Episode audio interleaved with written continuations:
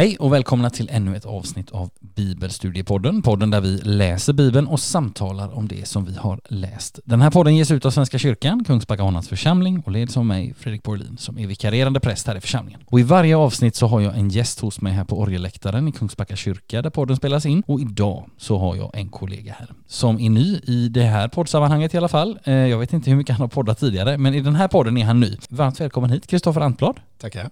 Eh, Vill du berätta lite om dig själv?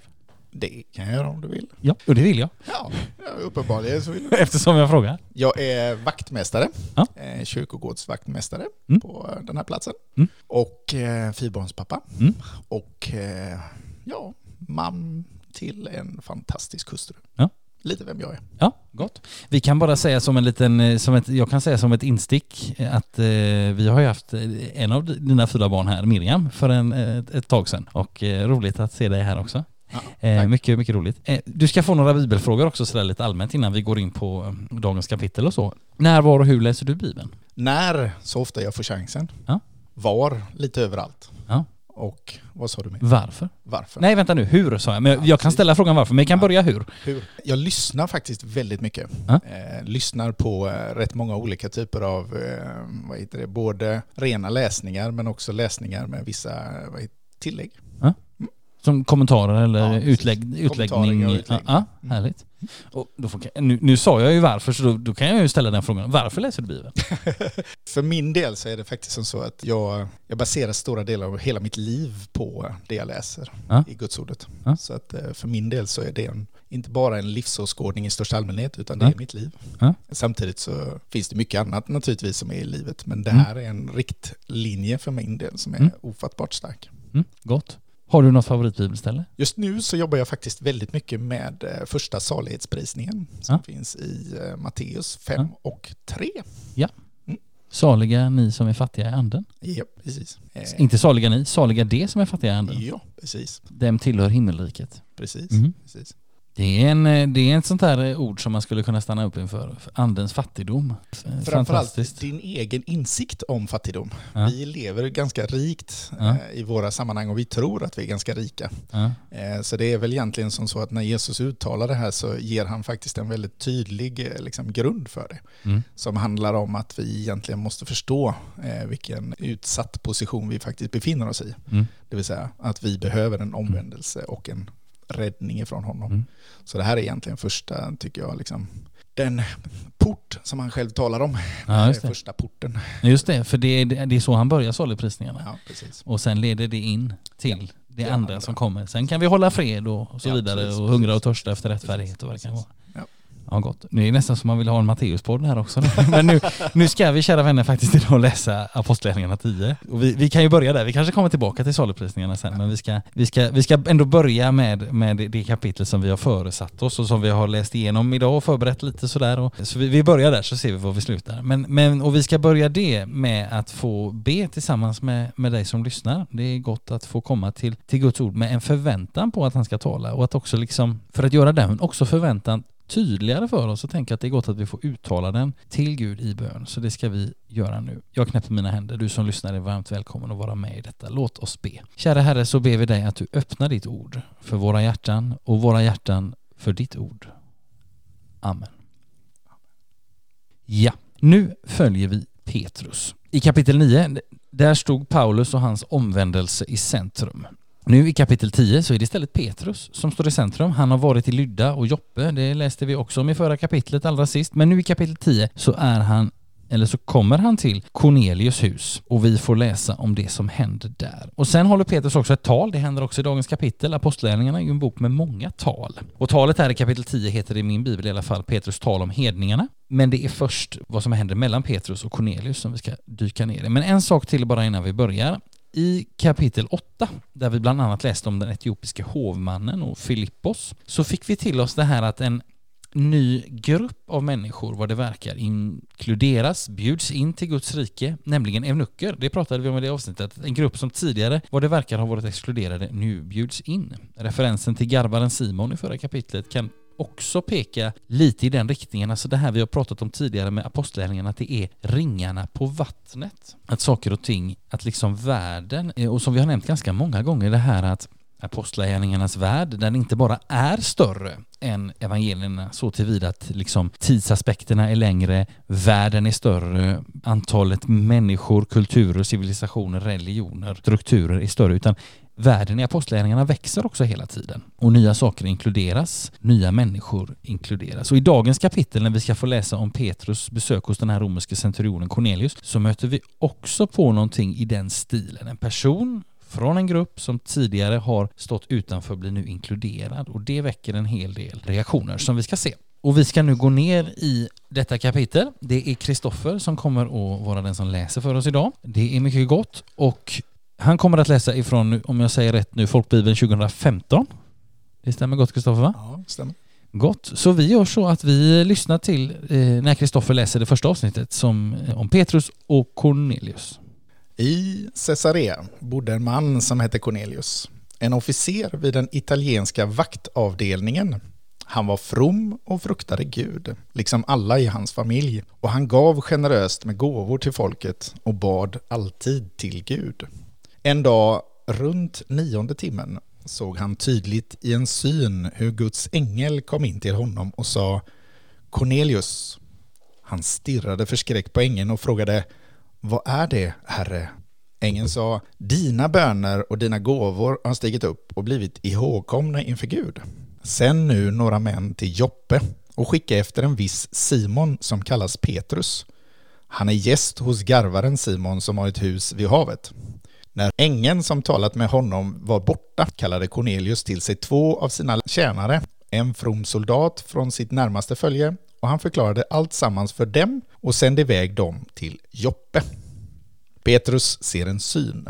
Nästa dag, medan de ännu var på väg och närmade sig staden, gick Petrus upp på taket för att be. Det var vid sjätte timmen. Han blev då hungrig och ville ha något att äta.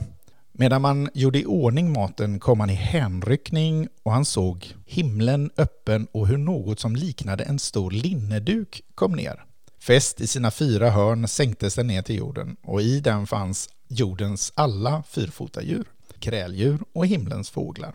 Och en röst kom till honom. Res dig, Petrus, slakta och ät. Petrus svarade, nej, nej, herre, jag har aldrig ätit något oheligt eller orent. Då sa en röst för andra gången till honom, vad Gud har förklarat rent ska inte du kalla orent. Detta hände tre gånger. Sedan blev duken strax upplyft till himlen. Medan Petrus undrade inom sig vad synen kunde betyda, stod männen som Cornelius hade sänt vid porten. De hade frågat sig fram till Simons hus och nu ropade de och frågade om Simon som kallas Petrus var där som gäst. Petrus funderade fortfarande över synen när anden sa till honom Se, tre män söker dig. Gå ner och följ med dem utan att tveka, för det är jag som har sänt dem. Petrus gick ner till männen och sa Jag är den ni söker. Av vilken orsak har ni kommit hit? De svarade Officeren Cornelius är en rättfärdig man som fruktar Gud och har gott anseende hos hela det judiska folket. Han har fått en uppenbarelse av en ängel att han ska skicka efter dig och höra vad du har att säga. Då bad Petrus dem stiga in och tog emot dem som gäster. Nästa dag gav han sig av i sällskap med dem och några bröder från Joppe följde med honom. Dagen därpå kom de till Caesarea. Cornelius väntade på dem och hade samlat sina släktingar och närmaste vänner. När Petrus skulle gå in kom Cornelius och mötte honom och föll ner för hans fötter och tillbad. Men Petrus reste upp honom och sa Stå upp, jag är också bara en människa. Medan han samtalade med Cornelius gick han in och fann många samlade där. Han sa till dem Ni vet att det är förbjudet för en judisk man att umgås med eller besöka en hedning. Men Gud har visat mig att man inte ska kalla någon människa ohelig eller oren. Därför tvekar jag inte heller att komma när ni sänder bud efter mig. Så nu undrar jag av vilken orsak ni har bett mig att komma. Cornelius svarade, för fyra dagar sedan, just vid den här tiden, den nionde timmen, var jag här hemma och bad. Då stod plötsligt en man i skinande kläder framför mig och sa Cornelius, Gud har hört din bön och kommit ihåg dina gåvor. Skicka nu bud till Joppe och be Simon som kallas Petrus att komma hit. Han är gäst i garvaren Simons hus vid havet. Då skickade jag genast bud efter dig, och det var det vänligt av dig att komma. Nu är vi alla här inför Gud för att höra allt som Herren har befallt dig att säga. Tack så mycket Kristoffer. Ja, det här är ett mycket, mycket intressant möte och det finns många trådar att dra i här som vi ska dra i. Jag tänkte bara att jag ville, jag ville bara stryka under några sådana här, eh, några småsaker först. Det som vi hörde Kristoffer läsa om den italienska, eller som det står i Bibel 2000, den italiska bataljonen, det kan väl bara påminna oss om att det är en romersk eh, så kallad kohort som består av 600 man och som officer eller centurion så har Cornelius befäl över 100 av dessa, alltså det är den typen av sammanhang som han bestämmer över. Sen står det några saker som jag tänker är gott att också stryka under eller säga någonting om. Alltså vi får veta om Cornelius att han är from och gudfruktig. Och de här gudfruktiga eh, som vördade Gud, som vi också kan läsa om på andra ställen i Apostlagärningarna, det var hedningar som bekände sig till Israels Gud utan att ha låtit omskära sig och bli liksom judar fullt ut. Istället så behövde de, eh, de hade liksom omfattat den judiska tron och följde en del av de mest, eh, eller de mest centrala buden om sabbaten och om ren och oren mat och sådana här saker. Men sen kan vi påminna oss om att det fanns en annan grupp människor som inte var födda judar, precis som inte Cornelius var, men som hade liksom kommit till tro på Israels Gud och, och, så att säga valt att gå hela vägen och låtit omskära sig då om de var män. Och de här brukar benämnas proselyter. Och det vill jag minnas att jag har nämnt tidigare. Men, men gudfruktig, eller den som vördar Gud så att säga, det är, det är den gruppen av personer som, som Cornelius tillhör. Så att han har en, liksom en, han lever med Israels Gud, men han har inte så att säga fullt ut gått in i den judiska gemenskapen genom omskärelsen.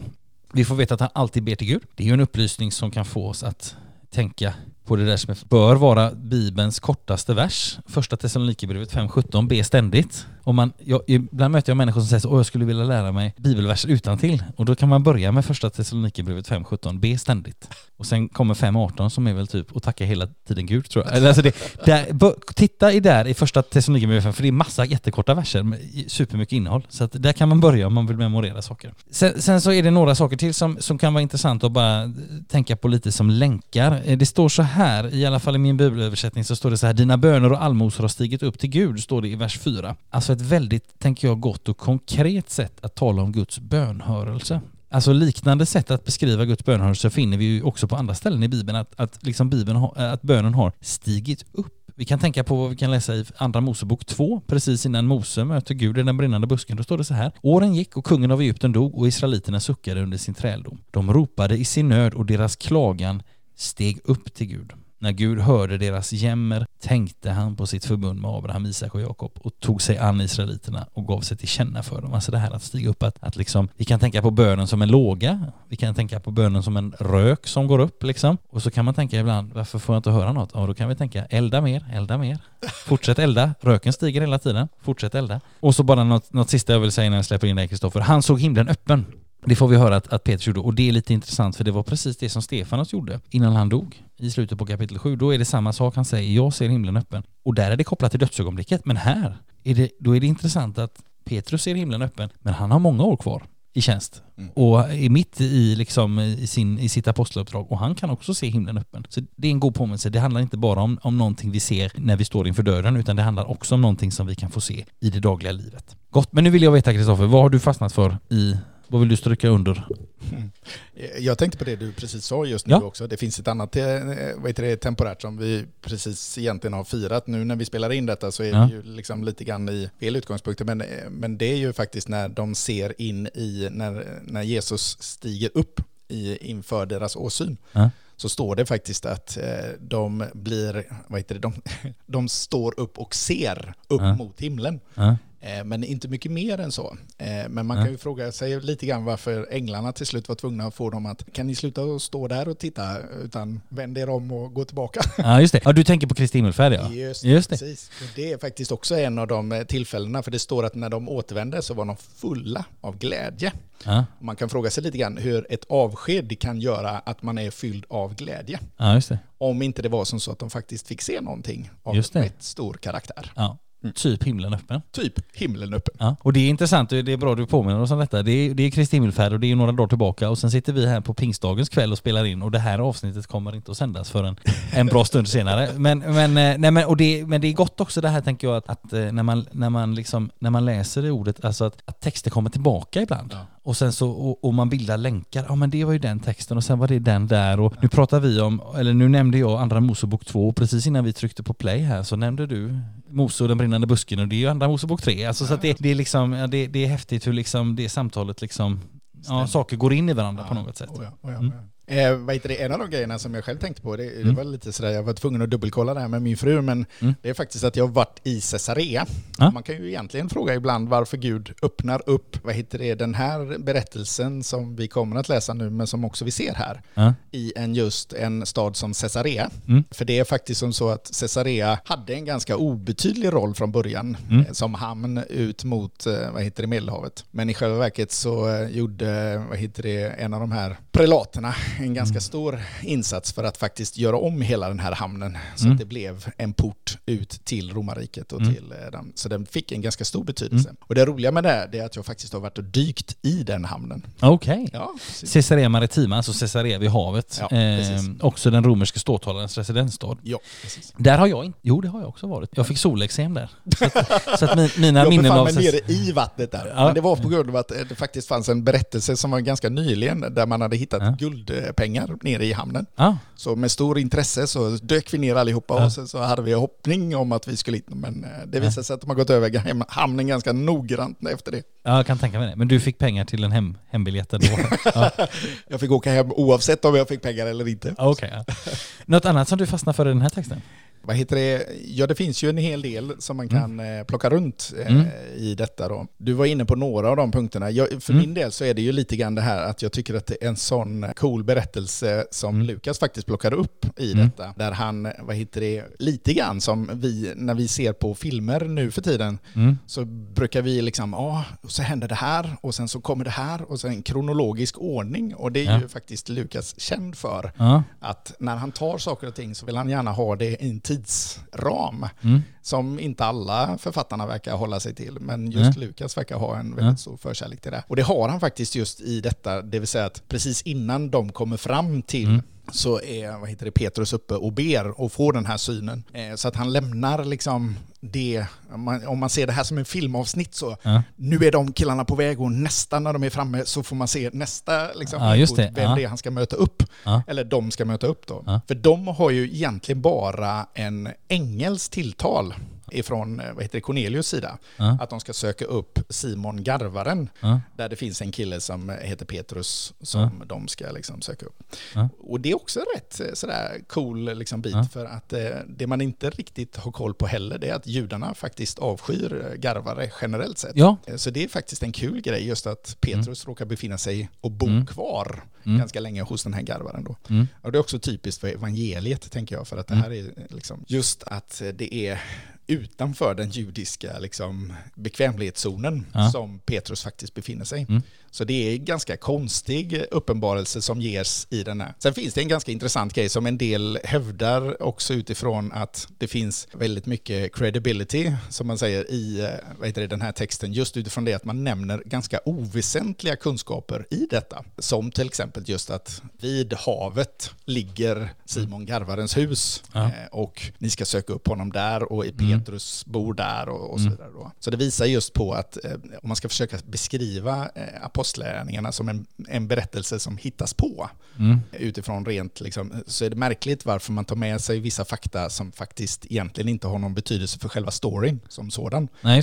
Och speciellt inte när en ängel dessutom förklarar för Cornelius exakt vad det är han ska hitta och var han ska hitta det någonstans Ja. och på vilket sätt. Då. Så det är bara sådana här små detaljer som jag tycker är rätt intressanta för själva texten som sådan. Mm. Ja, jag vet att det här är ju, precis, vi, vi, jag vill minnas att vi nämnde det i förra avsnittet också, det här att, att liksom på samma sätt som evnucken bjöds in, och sen så är det det här med garvaren, ja, alltså, Ja, vad är det? Tredje Mosebok 11 tror jag. Alltså rör, rör du vid döda djur och så vidare så Ja. blir du oren. Alltså Ja, att det var inget precis. yrke en, en, en jude kunde ägna sig åt. Nej. Och jag tänker att vi får gissa att Petrus bor hos denne Simon Garvaren för att Simon Garvaren också har blivit en del av församlingen. Liksom. Ja, precis, eh, det, det tänker jag att vi kan utgå ifrån. Och nu så är det Cornelius som, är, som också liksom har tillhört en exkluderad grupp som också nu bjuds in. Liksom. Något annat du tänker på? Ja, sen kommer ju de stora grejerna som jag tycker är i detta. Om Ja. man tittar på Petrus. Yes. Eh, Det är en kille som har följt Jesus i ett antal år. Japp. eh, Där Jesus har förklarat för honom ett antal olika saker om att ni ska inte liksom hitta på egna lösningar och ni ska Nej. helst inte hålla er till sådana här grejer som de judiska sederna och så vidare. Då. Nej, Eh, Nej ni har ju, han har ju förklarat all mat för er. Det har han absolut, gjort. Ja. Eh, Och hela den biten. Så, så det finns ju med liksom redan från början. Och dessutom så finns ju eh, i den här berättelsen lite senare så kommer det ju liksom väldigt tydligt också fram just den här biten med att poängen med andens dop i Mm, hela mm. den här biten och, Mm. och att språket kommer fram så väldigt, väldigt tydligt Mm. eh, i andedopet Mm. är ju just att, eh, vad heter det, det ska vara en, en, en skickelse till omvändelse och att verkligen se att Mm. ingen människa är oren. Mm. Och ändå så verkar Petrus inte ha greppat det. Nej. Och, och inte bara han, utan hela ledarskapet. Och han vet om att den här frågan är otroligt eh, liksom, eh, svår då. Mm. Så, så när han får den här, och det, kan jag tycka, liksom, om jag får en syn, Mm. eh, vilket jag inte har haft på det sättet då, så skulle man ju fundera på en gång. Ja. Ja, svarar jag ju ungefär som jag tänker. Ja. Eh, Men när jag dessutom hör en rö- röst som upprepar det här tre gånger för mig och jag Ja. svarar precis på samma sätt, eh, då måste ju det vara någonting som faktiskt är ganska låst inom Petrus. Ja. Eh, Och det är lite det jag tycker är intressant, därför Ja. att här finns en ganska stark kulturell fostran i Petrus. Han får inte och han har inte under hela sitt liv gjort den här biten. Eh, Så därför så är han väldigt stark i sin övertygelse. Mm. Och det, den, den biten är väldigt intressant att se mot bakgrund till vad som kommer att ske. Mm. Därför att så här hårt sitter det här i honom. Mm. Så att han vägrar i, i en bön inför Guds ansikte. Mm. Och han tror kanske att det är en utmaning från Gud att säga nu ska du se om, om du faktiskt kan hålla dig till sanningen här och, och Mm. inte göra fel. Så han kanske håller fast vid det av den orsaken. Vi vet ju inte riktigt varför den Nej. här biten, men man kan ju spekulera. Ja. Däremot så tycker jag fortfarande det är väldigt, väldigt intressant därför att det utgör för berättelsens, tycker jag, huvudpunkt i detta. Det vill säga att man fortfarande inte riktigt har fattat att det Gud förtydligar för oss, det är att Mm. vi ska göra som han säger, inte som vi själva tänker att vi liksom har lärt oss. Nej. nej, och jag tänker att det här är, nej men precis, var, varför upprepas detta flera gånger? Och, ja men för att Petrus behöver det. Alltså varför säger Jesus tre gånger att han ska lida och dö till lärjungarna i Markus? Jo, för att de, det är viktigt. Precis. Det är viktigt för att, för att lärjungarna behöver höra det och det är viktigt för att vi, behöver, när vi läser det också, att, vi, vi behöver också höra detta liksom. Precis, och, och att vi ser, att det, och det är det som jag gillar med apostlärningen, det här Mm. ser man, det liksom interaktionen med människorna Mm. eh, som faktiskt sen då blir, i svensk bemärkelse så är, heter det ju liksom apostlagärningarna, så att vi Mm. sätter ju redan där från början dem på en ganska hög pedestal. Ja. Men, men det är ganska roligt att se hur, hur de faktiskt kämpar med att försöka få koll på vad är det du vill med detta. Ja. Eh, Och det står också precis just i den här texten då att, att han funderar på vad den här synen kunde betyda. Och, och det är en, också en ganska intressant koppling som jag tycker är väldigt Mm. viktig. Mm. Just när man får en bild och man får en förståelse av någonting så, Mm. så kan man inte med säkerhet säga att jo men det är detta. Mm. Utan han stod verkligen och funderade på vad är detta för någonting, vad kommer Mm. det här och vad betyder det här liksom. Mm. Så det finns med. Jag tänker på detta med oheligt och orent kan man bara säga något helt kort om. Alltså här handlar det alltså om den judis, de judiska renhetslagarnas bestämmelser för vilka djur som var rena och vilka som var orena, det vill säga vilka djur som en jude fick äta och inte. De här lagarna kan vi hitta också i tredje Mosebok kapitel 11. Och vi kan också dra oss till minnes det som vi redan har nämnt nu, men alltså det som Petrus upplevde i en syn där på taket. Det är ju också i enlighet med Jesu undervisning. I Markus 7.19 läser vi så här. Ty det, alltså då pratar han om mat då. Ty det går in, alltså maten går inte in i hjärtat utan i magen och kommer sedan ut på avträdet. Därmed förklarade han all föda ren. Alltså så att det- som uppenbaras nu som för ju för Petrus är någonting nytt, även om det inte borde vara det eftersom han var med i Markus 7 och 19, så är det fortfarande i enlighet med, med, det som, med, med Jesu undervisning och med skriften i övrigt så att säga. Men det står ändå just den här biten att det sitter djupt i Petrus. Ja. Så på något sätt så, Ja. så är det som att det sitter djupt i oss allihopa. Och Ja. konstaterar att de kulturella betingelserna som vi faktiskt ibland tror att vi vet och vi tror att de nästintill är gudomliga liksom befästa. Mm. Och ändå så är det som att Gud visar oss på att ja, fast nu ska du träda över det och träda in i detta. Mm. Och då stämmer det ju som Ja. sagt som du sa med gudsordet Mm. själv, det vill säga Kristus talar ut det. Så jag tycker det är Mm. jättebra liksom Mm. hänvisning Mm. till just den biten. Och vi kan också tänka på andra saker när vi ändå är inne på det här spåret med vad, vad som upprepas. Alltså Jesus har sagt många gånger så talar han om till exempel det här med att den som vill vara den främste ska vara andras tjänare. Liksom alltså att den här omvända ledarskapslogiken på ett sätt. Alltså det är också en sån här sak, ja för lärjungarna behövde höra det. För gång på gång så kommer de och jag vill sitta på din högra sida och sen kom någons mamma och sa kan inte mina söner få sitta på din högra sida? Alltså det, så att jag menar, folk- det, vi behöver höra detta, inte bara apostlarna utan också vi liksom. Sen funderar jag på en sak, det här med, nu ska vi se vad det står i din översättning Kristoffer i folkbibeln, alltså i vers 22. Hos mig står det rättskaffens och gudfruktig om Cornelius. Kan det vara så att det står rättfärdig man som fruktar Gud Ja. hos dig? Ja, bra. Alltså jag tänker det här är intressant lite det här med ordet rättfärdig. Det, det är intressant. Jag tänker att det har betydelsen att det är någon som verkligen lever efter Guds bud och vilja och ande. Det är så jag uppfattar ordet rättfärdig. Och sen så har jag i min bibel också rättskaffens. Det tänker jag mer för tankarna till någon som är redlig, ärlig, uppriktig utan att nödvändigtvis att man liksom nödvändigtvis måste lägga en fullständigt andlig dimension på det hela så att någon kan vara rättskaffens utan att vara rättfärdig på det sättet. Men det, det är svårt att i exakthet ringa in betydelsen av det här ordet som förekommer på en del viktiga ställen i Nya Testamentet, grekiskans dikaios eller dikaios. Sen kan det ju också vara som så, om jag får gripa in där, lite grann just Ja. den här biten med att, vad heter det,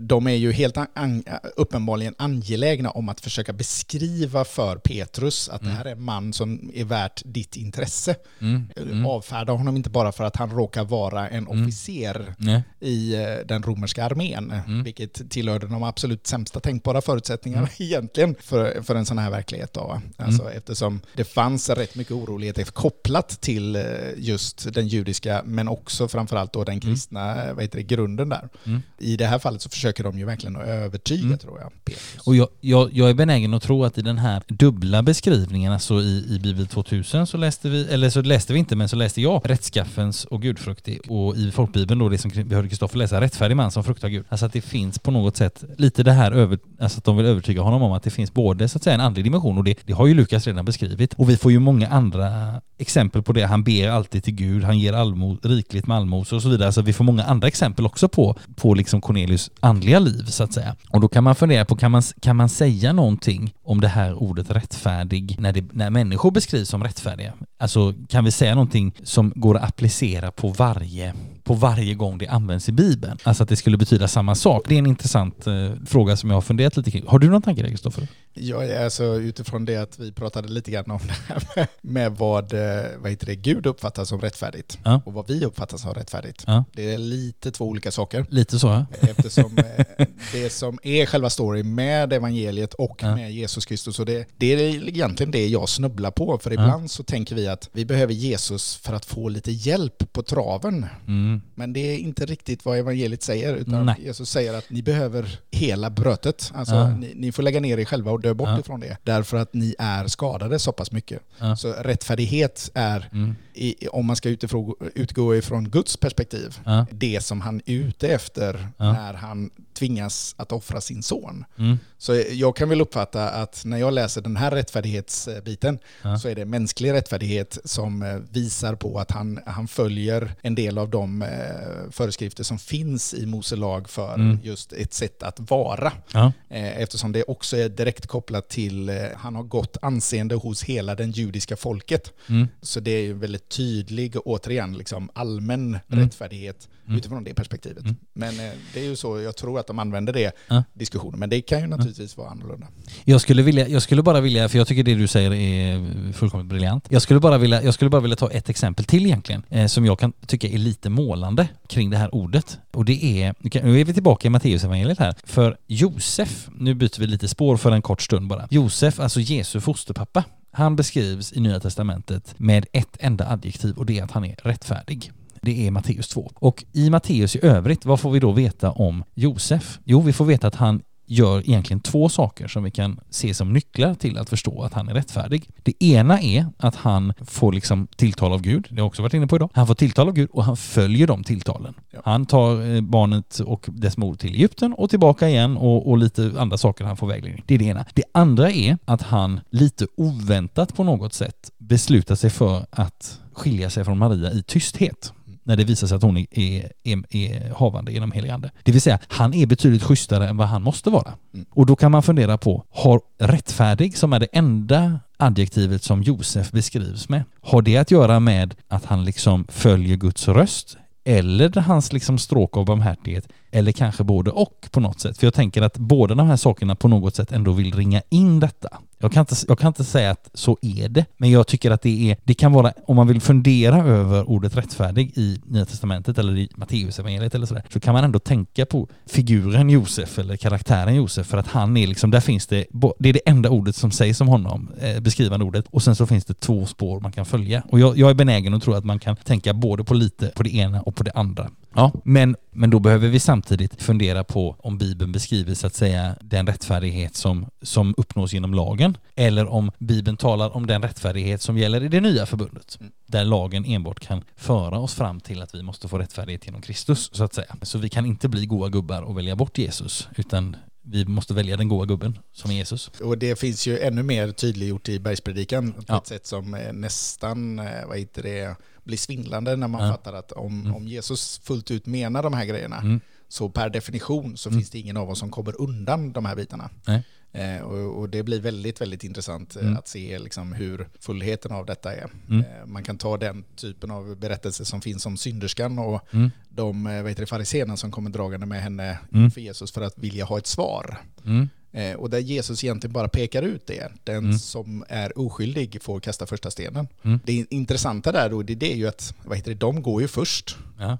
De som är fariséerna i detta, de Ja. ser det Jesus försöker visa på. Det vill säga, Mm. ingen av dem är rättfärdig Ja. i, i den bemärkelsen. Mm. Och det ska man då komma ihåg att det Jesus har undervisat om i bergspredikan till exempel, Mm. det är det att det räcker med en man tittar på en kvinna med åtrå Mm. så har han begått äktenskapsbrott. Mm. Eh, Han höjer ju lagens krav. Han säger Mm. inte bara att du begår äktenskapsbrott när du liksom hoppar i säng med Nej. någon annan, utan du begår äktenskapsbrott redan Mm. i ditt hjärta Mm. när du ser på en annan kvinna med Mm. åtrå. Så i det läget så, så, så inser man helt plötsligt att om det är det Gud syftar till när det är rättfärdigheten som egentligen gensvaras ifrån tio budorden, då har vi en rättfärdighetslag som ligger långt över vad, vad man hade för praxis Mm. på den tiden. Mm. Och det var ju egentligen vad fariséerna eller de skriftlärda hade som ansvar, det vill säga att, att se var någonstans eh, man kunde praktisera lagen Mm.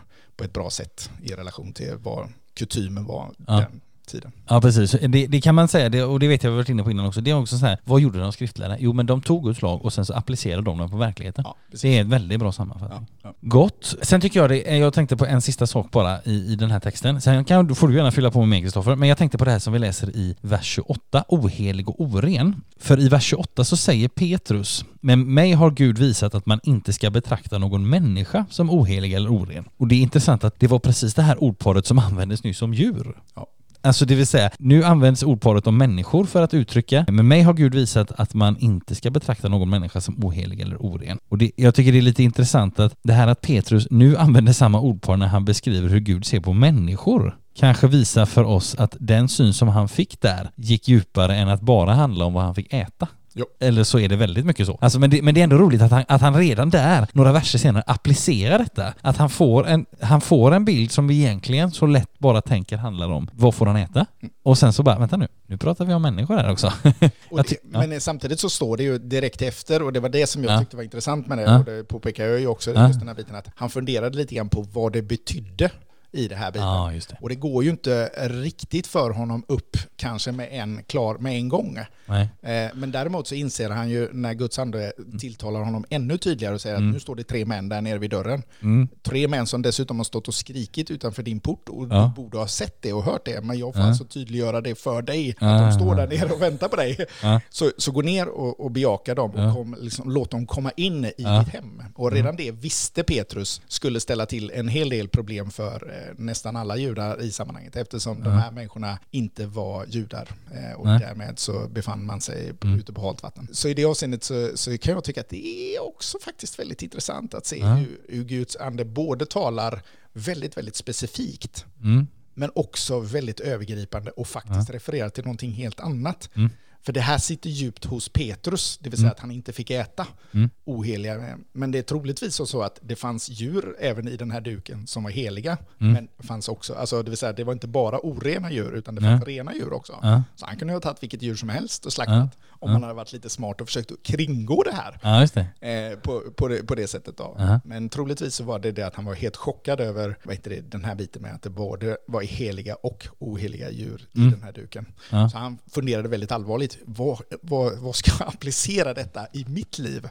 Och sen fick han ju, ska man också komma ihåg, vi läser ju bara tre verser, medan han eh, får ju faktiskt först bjuda in dem, Mm. de sover över till dagen efter, Mm. de börjar gå, Mm. och det, egentligen så står det att de kommer ju ner med bara en dags eh, liksom, bit ner till Joppe. Mm. Medan på vägen dit upp så tar det nästan två dagar, Mm. eh, vilket man funderar på. Men det är också för att de tar med sig lite fler män Mm. och det är lite fler som är ute och går tillsammans med Petrus. Mm. Därför Petrus inser väldigt fort att nu är vi på väg in i en situation som är ganska vad heter det, svår. Mm. Därför att eh, han kommer att behöva svara för eh, vad, heter det, vad han håller på med. Ja. Därför så måste han ha med sig människor som tillhörde församlingen på platsen. I Ja, Mm. Vilket är också väldigt, väldigt intressant. Mm. Ja, nej men det, och det här vis- visar ju också någonstans just den här kedjan som du eh, så tydligt sätter ljuset på tycker jag. Att först så är det liksom den här duken som handlar om djur och sen så funderar han på det och sen så kommer det några dit och sen kan han applicera att vänta nu, det här handlar om människor också. Eh, alltså att vi har, det är också, det, den här liksom reaktionskedjan visar också någonstans på att ja, Gud har också gett oss en hjärna. Ja. Alltså eller liksom, eh, och det, ja, det är häftigt. Jag hörde en messiansk jude på det här och det är Mm. Ganska intressant för han beskrev att fram tills Cornelius hus så Mm. hade mycket av det här varit en inomjudisk sekt. Mm. Det vill säga, det fanns ingenting utanför den biten. Alla Nej. visste om vad det var som hände, Ja, men alla trodde att det berörde bara judarna. ja, Även om sen judarna kom från alla möjliga håll och hade fått alla möjliga olika språk, ja. så var det fortfarande en inomjudisk, till största delen då, Mm. eh, full verklighet. Så Mm. att här fanns fortfarande inga riktiga hedningar att prata om, Nej. mer än vissa heter det, utsatta grupper Mm. som då eh, Mm. fanns med. Då. Mm. Ja men precis, vi har ju nämnt några redan och man, kan ju, man skulle ju också kunna nämna då i, i förrförra kapitlet så kan man nämna hur ordet kommer till Samarien. Men, men där är vi ju ändå fortfarande i liksom, vi är ju fortfarande inne i, vad ska vi säga, evangeliernas värld. Alltså även om judar och samarier och deras relationer är ett kapitel för sig så är vi ju fortfarande på en mycket, mycket liten spelplan så att Ja. säga. Men, men som du säger, här är kapitel 10 och händer någonting och det får också, ja, som mycket annat i i apostlagärningarna och också när Guds ande är i svang så, så möter det motstånd. Absolut, Lite av det ska vi få ett exempel på nu tänkte jag om vi, du känner dig redo att gå vidare. det kan vi göra. Gott. Vi ska göra så att vi går vidare. Ja. Vi ska lyssna till när Kristoffer läser, det kan, vi bara, det kan vi bara jättekort påpeka att det förra avsnittet vi läste, det var ett enda i min bibel, men det var uppdelat hos dig i, Ni tre. i tre. Så kan det vara ibland. Nu ska vi läsa det som i min bibel är ett enda avsnitt, eh, verserna 34 till 48. Är det ett avsnitt hos dig också? Ja. Gott. Och har det i Bibel 2000 överskriften Petrus tal om hedningarna. Och det heter hos dig Petrus tal. Då började Petrus tala. Nu förstår jag verkligen att Gud inte gör skillnad på människor, utan tar emot den som fruktar honom och gör det som är rätt, vilket folk han än tillhör. Detta är det ord som Gud sände till Israels folk när han förkunnade frid genom Jesus Kristus. Han är allas Herre, och ni känner till det som har hänt i hela Judeen med början i Galileen efter dopet som Johannes förkunnade och hur Gud smorde Jesus från Nasaret med den helige ande och kraft. Han gick omkring och gjorde gott och botade alla som var i djävulens våld, för att Gud var med honom. Vi är vittnen till allt som han gjorde både i judarnas land och i Jerusalem. De hängde upp honom på trä och dödade honom, men Gud uppväckte honom på tredje dagen och lät honom visa sig inte för hela folket utan för de vittnen som Gud i förväg hade utvalt. För oss som åt och drack med honom efter att han har uppstått ifrån de döda. Han befallde oss att predika för folket och vittna om att han är den som Gud har utvalt till domare över levande och döda. Om honom vittnar alla profeterna att var och en som tror på honom får syndernas förlåtelse genom hans namn. Medan Petrus ännu talade föll den helige ande över alla som hörde ordet. De troende judarna som hade följt med Petrus häpnade över att den helige andes gåva blev utgjuten också över hedningarna. eftersom de hörde hur de talade i tungor och prisade Gud. Då sa Petrus, ingen kan väl hindra att de döps med vatten när de fått den helige ande precis som vi. Och han befallde att de skulle döpa i Jesu Kristi namn. Sedan bad de honom att stanna några dagar. Tack så mycket Kristoffer. Ja, Petrus håller flera tal, ett här och några till i Apostlagärningarna som vi bara skulle helt kort kunna dra oss till minnes för att få ett, ett typ av sammanhang. Alltså vi, vi, har hört, vi hörde i början av den här vandringen genom Apostlagärningarna ganska många tal av Petrus. Alltså i kapitel 1 så är det när en efterträdare till Judas utses och sen är det nummer två, eh, i kapitel 2 Petrus tal på pingstdagen, det är kapitel 3 Petrus tal i Salomos pelarhall och i kapitel 4 Petrus och Johannes står inför rådet och sen så går det ett tag och nu är vi i kapitel 10, det femte talet, Petrus tal om hedningarna. Sen kan vi passa på att nämna ytterligare två tal som Petrus håller och som vi hittade i Bibeln, nämligen första och andra Petrusbrevet. De båda korta breven kan man ju med fördel också läsa som en slags bakgrund till eller som ett komplement till just Petrus tal i Apostlagärningarna, varav detta som vi hörde Kristoffer läsa alldeles nyss är 1. Det var det ena jag ville säga. Det andra jag ville säga, det var, det var bara en, en kort kommentar till den allra första versen. Eh, nu förstår jag att Gud inte gör skillnad på människor i vers 34. Det här är verkligen, tycker jag, ett så underbart evangelium som samtidigt kan felanvändas när vi bara läser, precis som alla andra ord i Bibeln, om vi liksom bara plockar ut det och använder det till lite vad som helst. Jag tänker att en god nyckel här till exempel, det är verkligen att, ja men det här är en underbart, ett underbart ord. Gud gör inte skillnad på människor punkt, eller semikolon, utan tar emot var och en som fruktar honom och gör vad som är rättfärdigt. Alltså, han tar emot, han vill att vi kommer till honom. Alltså att man inte, att man inte glömmer bort den biten, liksom. Att läsa den fina versen i, i alltså 10.34 i ljuset av hela avsnittet, det är också en god nyckel. Gott. Kristoffer, vad tänker du på? Ibland så tror jag att eh, jag har nog fastnat väldigt mycket. Jag har hört den här berättelsen sedan jag var liten i söndagsskolan. Så ja. för mig så blir man ju alltid fascinerad av den här duken som kommer ner med alla ja, djuren och hela ja. den biten. Då. Men jag har alltid funderat på vad det är för någonting som är syftet med hela den här berättelsen. Och, ja. och många gånger. Men det är först i den här texten som jag börjar fatta liksom att Gud måste understryka det här från flera olika håll. Mm. För det första så vet ju inte Petrus varför han är där, så han måste ju fråga om det. Nu gjorde han ju det i den tidigare versen då, och det tycker jag är rätt intressant. Liksom att han har ingen aning om varför han är där. Nej. De har ingen aning om vad budskapet handlar om. Nej. Ingen vet någonting. Nej. Utan här är det en regissör som sätter ihop två stycken ganska ovetade ja. verkligheter och ja. tydliggör det här väldigt, väldigt tydligt. Mm. Så när det här då vill, liksom, och, och Petrus är ju lydig i detta. Mm. Han, han, gör det som Gud talar om för honom att han ska göra, mm. trots sitt eget inre motstånd. Ja. För det man ska veta med Petrus då, det är ju att han trots allt i den här synen vågar säga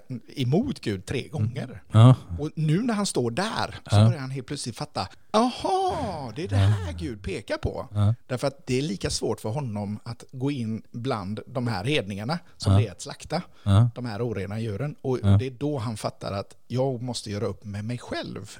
Så när han börjar, precis som du säger då, nu förstår jag verkligen att Gud inte gör skillnad på människor. Mm. Så, så är det ju en bekännelse, det är ju en syndabekännelse i stort sett.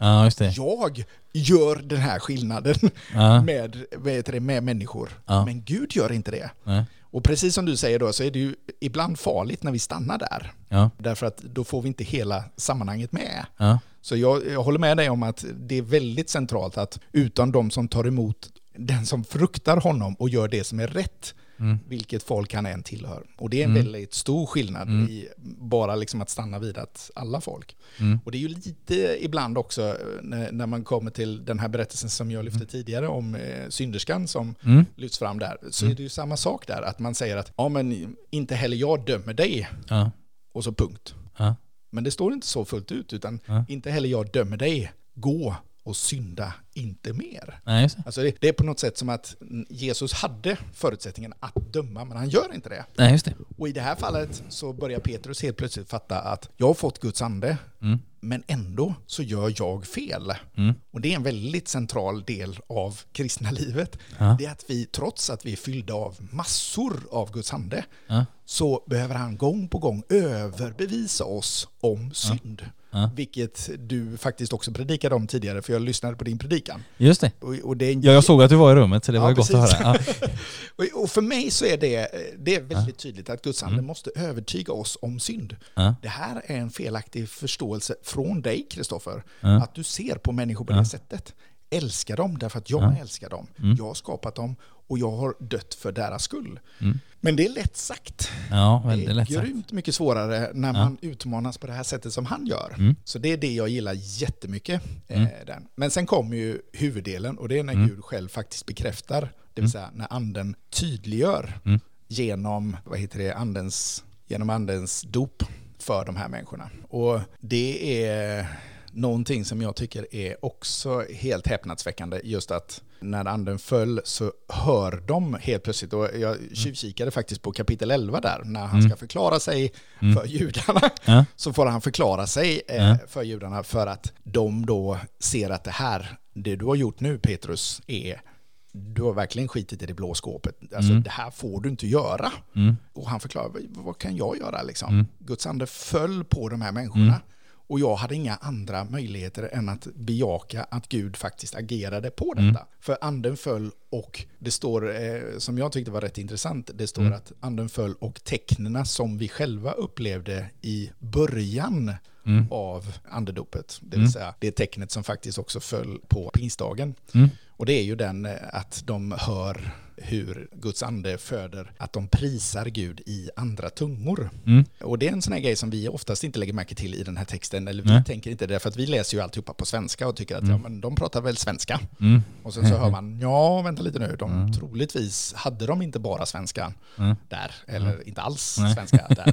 Eh, och sen, utan då var det grekiska. Ja. Och när man tittar på en del av kommentarerna så ser man att Petrus, när han talar här, får Mm. försöka staka sig fram, för han är inte jättebevandrad i den grekiska förståelsen. Eh, Nej. Och han gör en del konstiga kopplingar i Mm. eh, den här beskrivningen. Mm. Den är mycket mer flytande sen när han ska förklara sig för bröderna, för då är det Mm. arameiska som han behärskar med full kraft. Då. Eh, Så det här är, för mig så är det en väldigt tydlig, vik- viktig Mm. del i detta. Återigen, att Gud uppenbarar genom sin ande att Mm. jag tänker göra det här med alla folk Mm. på alla platser i hela världen. Mm. Och det var lite det som jag hörde på, på just eran liksom, riktlinje för det här. Det är att Mm. från Jerusalem till Samarien och till jordens yttersta gräns. Mm. Och det är faktiskt här som det blir väldigt tydligt igen då. Ja, Att ande faller med tungotalet Ja.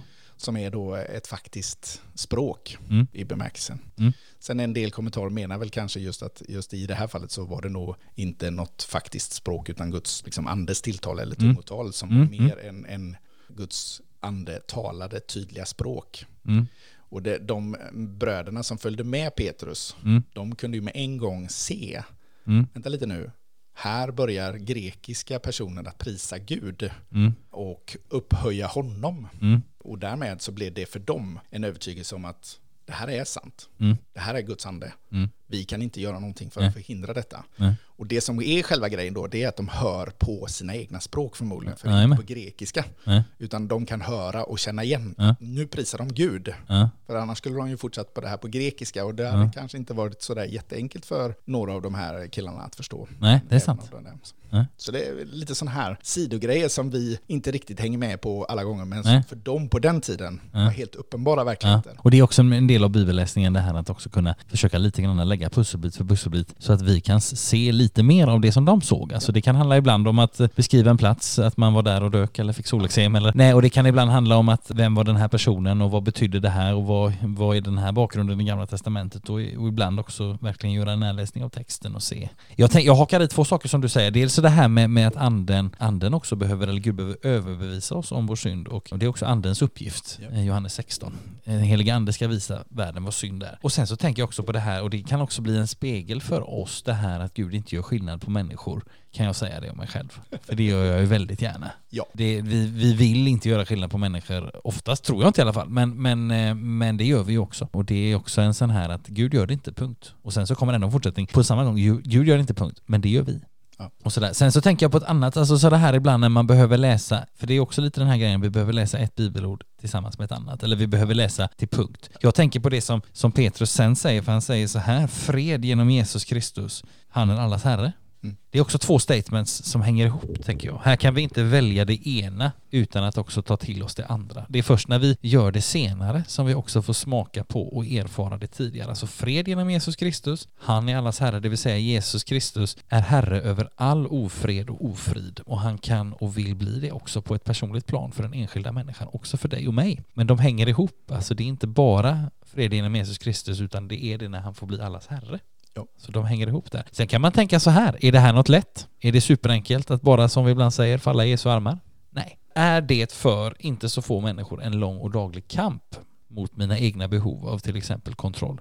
Ja, definitivt. Det här är inte alltid så lätt, men det är ofta en process och en resa och ibland ett kraftfullt ingripande som vi läser om i texten här till exempel. Men det är också en, det är också en vandring. Det är också det som kallas för helgelsen. Att anden får växa till i oss. Vad tänker du med på Kristoffer i de här verserna? Ja, Man kan ta det slutgrejen där. Det, Mm. det är lite det här som jag tycker är roligt också. När Mm. Jesus utser Petrus från början eh, Mm. så är det ju lite det här att han är handlingens man mycket Ja. mer än han är vad heter det, tankens man. Mm. Eh, Och jag tror att i det här fallet så, så, så är han faktiskt konstruktivt där och agerar Mm. fullt ut. eh, Samtidigt som det finns ett inre motstånd för Ja. honom, inte så omfattande. Mm. Men man ser på slutkanten här så säger han, inget kan väl hindra att de döps med vatten när de fått helig ande, precis som vi. Ja. Och han befallde att de skulle döpas i Jesu Kristi namn. Den här grejen kan ju låta som att han befallde och det låter som att vad heter det, han hade någon form av liksom, eh, maktauktoritet där.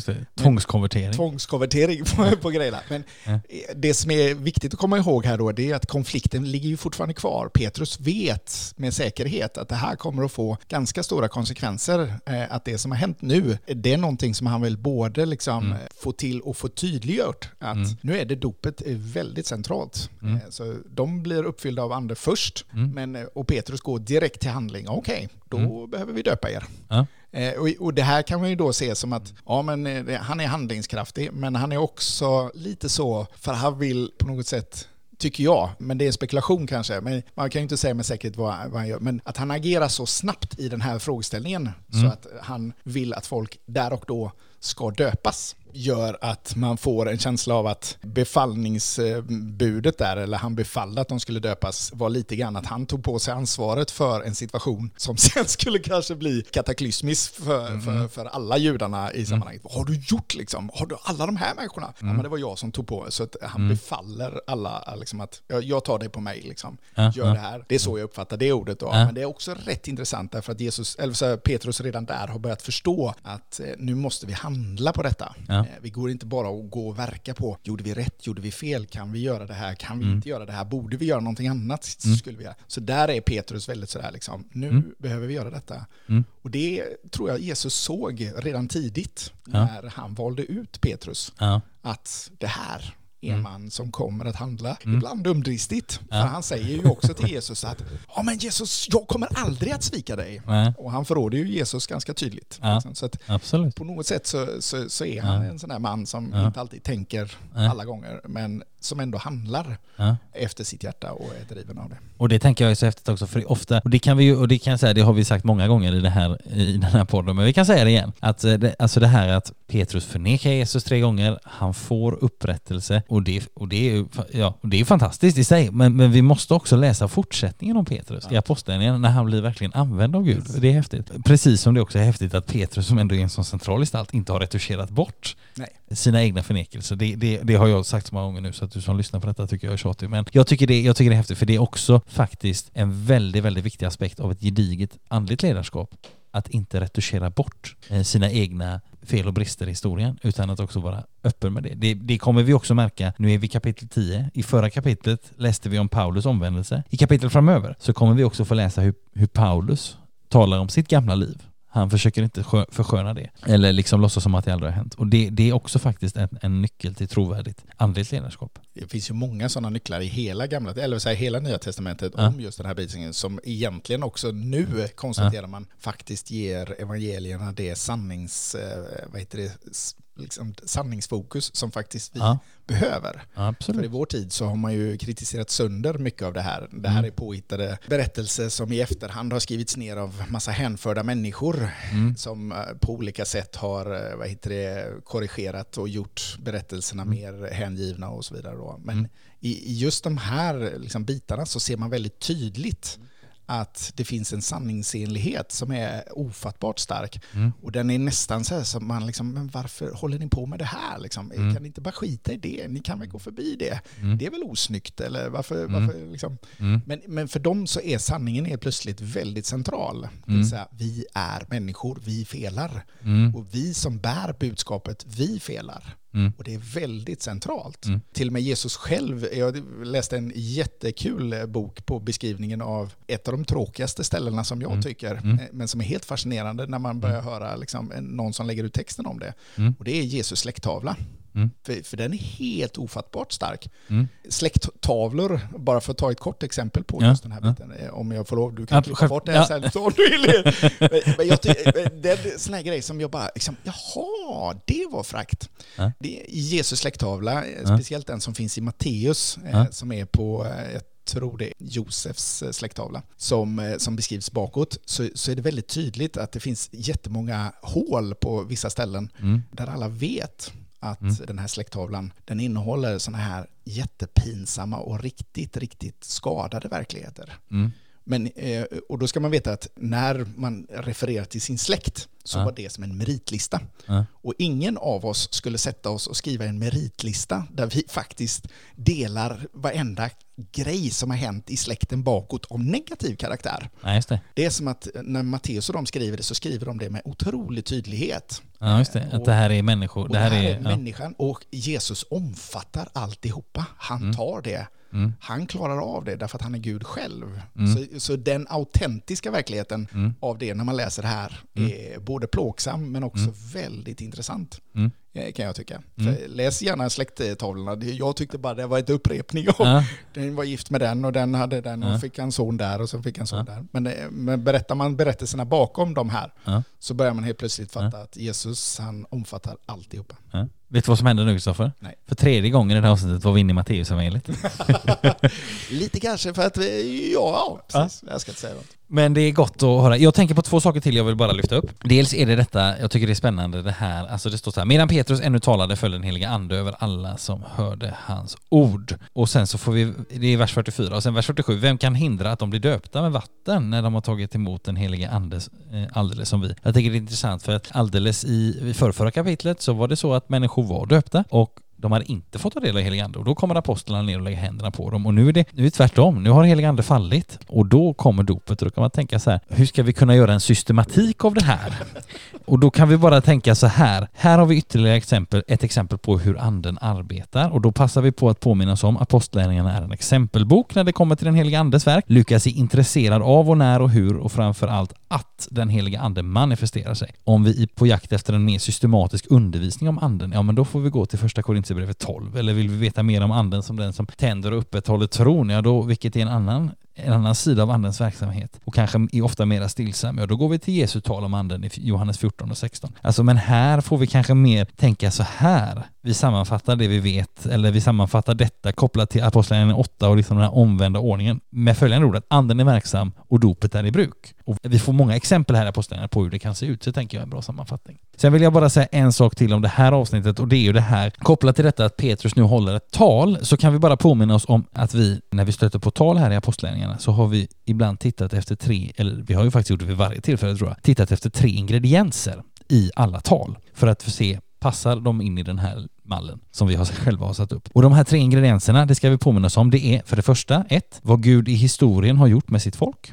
Två, vad Gud nyligen har gjort genom sin son Jesus Kristus. Och nummer tre, vad Gud nu genom sina vittnen inbjuder människor till. Alltså varje gång det hålls ett tal av något slag där liksom människor ska höra budskapet ungefär, va? Då, då ska det vara de här tre. Vad Gud har gjort i historien, vad Gud nyligen har gjort i Jesus Kristus och en inbjudan till att få del av detta själv. Och då kan man fundera på, finns det i det här talet? För i vissa tal så finns det alla de här tre otroligt tydligt representerade. Och när till exempel för några kapitel sedan när Jenny var här och vi fick höra om Stefanos långa tal, då konstaterade vi att det var nästan bara ingrediens 1, till exempel. Men då kan vi fundera på i det här talet, ja, finns ingrediens 1, till exempel, vad Gud har gjort i historien? Ja, lite grann i alla fall. Vers 43, om honom vittnar alla profeterna, det är ändå liksom en koppling bakåt. Att Gud har sänt profeter som har vittnat också om Jesus Kristus. Sen har vi ingrediens 2 då, alltså Jesus själv. Och det finns det ju gott om i det som Petrus säger här. Och sen så har vi ingrediens tre, vad Gud inbjuder till nu. Ja, det är väl det här, var och en som tror på honom får syndernas förlåtelse genom hans namn. Alltså det, där finns ändå en inbjudan på något sätt eller någonting litet. Men ja, det visade sig att inte heller detta talet riktigt innehöll alla de här ingredienserna som vi försöker koka ihop. Men jag tyckte det var, det var lite intressant att bara applicera det även i den här situationen. Har du någon tanke med eh, Kristoffer? Eller något som du vill lyfta? Nej, inte mer än att sammanfattningsvis på, på den här, om det här är en helikopteröversikt liksom, översikt på just den här händelsen som sker Mm. här, Mm. så är det ju lite som vi sa i början där, att, att det är en berättelse som lite sanktionerar pingstdagens eh, vad Mm. det, andeutgjutelse. Ja. Det vill säga att andeutgjutelsen tydliggörs där, att nu Ja. är det inte längre bara ett folk med en Mm. liksom, eh, tungotal, utan nu är det alla folk som ska få höra evangeliet. Mm. Det här är eh, inte längre en bara judisk eh, liksom, del. Mm. Och det här förtydligas i detta, men med den motsatsen Mm. som faktiskt finns i oss allihopa. Det är Mm. att, men varför ska de gå med i detta? Och varför ska de, Mm. de är ju, det är bara konstigt. Alltså, just den här biten med att i vår kultur så finns det väldigt mycket som förhindrar eh. Guds verk eh, till att eh, vet du, faktiskt få fullt ut blomma ut. Mm. Så, så ibland så, så gör vi, även den här saken gör vi till en kultur som är viktig, precis det som du var inne på tidigare här, just att Mm.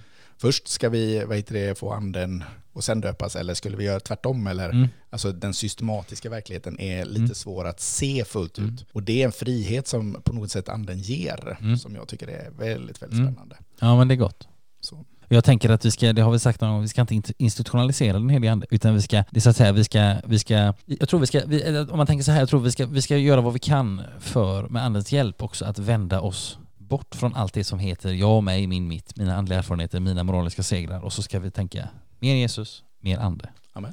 Det är vägen, och vi, men vi ska heller inte ha beröringsskräck med den heliga ande, utan, utan tänka wow, det finns alltid mer att ge. Det är också att leva i sitt dop, att tänka jag kan ha upplevt jättemycket av andens närhet, eller jag kanske har upplevt jättelite tycker jag. Mm. Oavsett så har anden mer att ge. Vilket jag även tror att du har Kristoffer. Jag tänker att vi skulle kunna suttit här ganska länge till och pratat, men, men, men eh, vi har eh, hållit på en ganska god stund nu. Jag är väldigt tacksam för att du kom hit, för din glädje över ordet och eh, din energi i samtalet. Gott att ha dig här. Också ett litet meddelande till dig som lyssnar nu. Vi båda två som har suttit här och pratat, vi hoppas att du har fått med dig någonting ifrån det här avsnittet. Och tills vi hörs igen så önskar både jag och Kristoffer dig som har lyssnat allt gott och Guds rika välsignelse.